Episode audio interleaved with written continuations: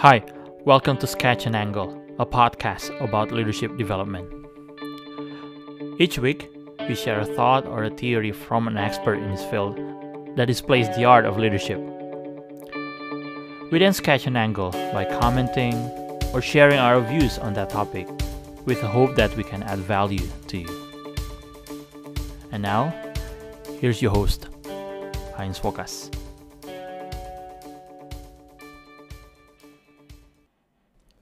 Ketika kita semakin mempelajari tentang leadership, kita akan menemukan bahwa banyak prinsip dalam kepemimpinan itu sendiri. Itu sebenarnya adalah kalau bagi saya pribadi adalah semacam produk dari perjalanan panjang yang dialami oleh seorang pemimpin dalam hubungannya dalam organisasi atau relasi yang terjadi. Dan kemudian itu prinsip-prinsip kemudian dikembangkan dalam perjalanan waktu yang kemudian itu diterima dan dianggap uh, sebagai prinsip-prinsip yang penting yang perlu diperhatikan ketika kita berbicara tentang kepemimpinan itu sendiri.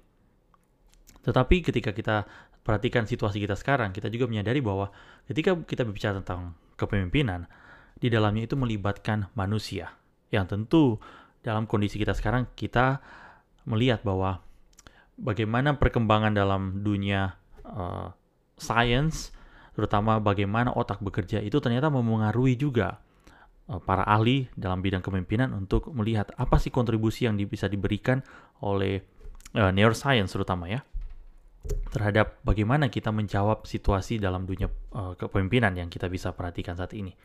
Nah, ada seorang ahli yang bernama Paul Zak dari uh, satu institusi, dia bersama dengan timnya kemudian itu melakukan penelitian kepada uh, satu hormon yang namanya oksitosin ya, yang kita tahu itu hormon ini mem mem memberikan uh, atau lebih tepat ya mengurangi rasa cemas atau uh, menurunkan tekanan ya tekanan darah gitu ya, sehingga orang itu tidak stres gitu ya atau stresnya kadar stresnya menurun. Dan mereka kemudian Pozek dengan timnya setelah mempelajari bagaimana pengaruh hormon ini kepada manusia mereka kemudian mengembangkan ada semacam framework yang mereka percaya melalui framework ini setiap pemimpin bisa melihat apa yang dia bisa lakukan untuk mengembangkan budaya di kepemimpinannya atau dalam timnya, terutama bagaimana mengembangkan kepercayaan di antara uh, tim yang dia pimpin.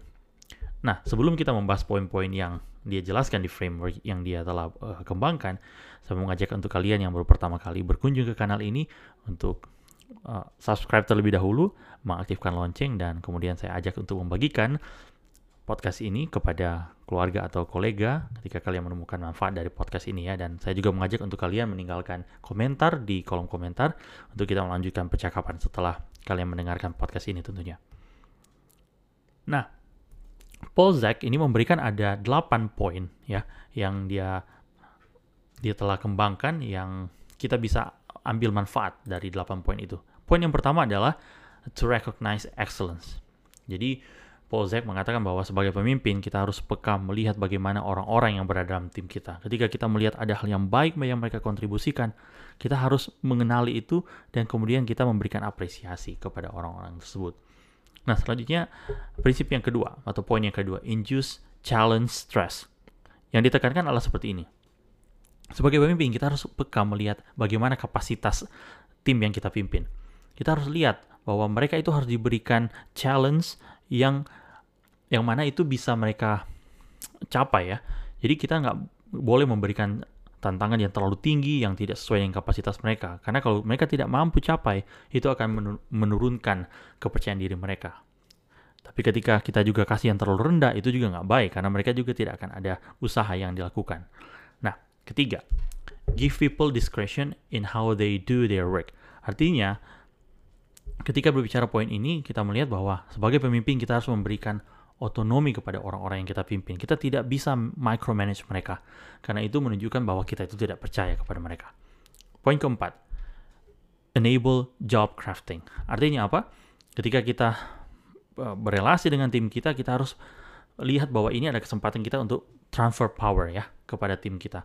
Dan kita lihat bagaimana mereka ketika mereka beroperasi sebagai satu tim, kita memberikan ke mereka kesempatan untuk mereka melakukan tugas mereka dengan cara pandang mereka selama itu berada dalam koridor yang tepat tentunya ya.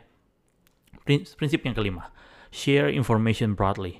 Nah artinya dalam relasi kita dengan orang-orang yang kita pimpin, kita tidak bisa selalu membatasi informasi kita. Ya bukan berarti kita akan buka semua informasi yang uh, kita tahu kepada tim kita karena ada informasi yang tentu kita tidak bisa uh, terus-terusan share ya kepada tim kita. Tapi tim kita akan melihat apakah kita itu juga memikirkan mereka, apakah mereka berhak mengetahui informasi yang memang mereka harus ketahui dalam hal kaitan mereka dalam tim keberadaan mereka tentunya dalam tim itu. Selanjutnya, yang keenam, poin keenam intentionally build relationships. Dan sebagai pemimpin kita harus melakukan ini. Kita harus berusaha membangun relasi secara intensional dengan anggota tim kita. Jadi kita tidak bisa selalu menjaga jarak dengan mereka. Kita harus terlibat dengan mereka dan mereka bisa melihat bahwa kita betul-betul ingin berrelasi dengan mereka. Ketujuh, facilitate whole person growth. Artinya sebagai pemimpin kita harus terus merhatikan anggota tim kita. Kita cari cara sedemikian rupa supaya anggota tim kita ini bisa terus ada pengembangan. Artinya kita berinvestasi kepada mereka. Kita pikirkan apa yang kita bisa kontribusikan kepada mereka sehingga mereka itu terus bertumbuh sebagai seorang profesional maupun sebagai seorang pribadi. Yang terakhir adalah show vulnerability. Artinya orang-orang yang kita pimpin mau melihat kita bahwa kita adalah pemimpin yang natural. Kita adalah manusia biasa yang kita penuh kelemahan dan mereka juga sadar bahwa kita itu tidak akan mungkin terus benar dalam pengambilan keputusan kita. Tapi apakah ketika kita itu salah, kita mau mengakui kesalahan kita, atau kita mau menunjukkan bahwa kita ada area-area yang lemah? Mereka ingin lihat itu juga. Karena mereka tahu ketika kita mampu bersikap seperti itu, artinya kita itu akan merasa bahwa memang kita sangat butuh bantuan, kita berada satu tim, dan kita itu saling menopang satu dengan yang lain. Nah, ketika mendengarkan 8 poin yang sudah saya bagikan ini ya. Apa yang ada di benak kalian? Apa yang kalian pikirkan saat ini? Terutama mungkin kalian membayangkan organisasi di mana kalian berada. Kira-kira, adakah dari 8 poin ini yang kalian lihat itu sepertinya kurang dari organisasi yang kalian pimpin atau di organisasi yang di mana kalian terlibat? Nah, kira-kira kalau memang ada seperti itu, apa yang bisa diupayakan? Atau kalau misalkan ada yang sudah baik, yang sudah terlihat sudah cukup baik dikembangkan, apa kira-kira yang kalian juga akan terus uh, kembangkan ya, sehingga itu menjadi strong point dari organisasi kalian. Nah, saya mau mendengar dari kalian dan saya berharap kalian juga mau membagikan tanggapan kalian dari podcast ini di kolom komentar.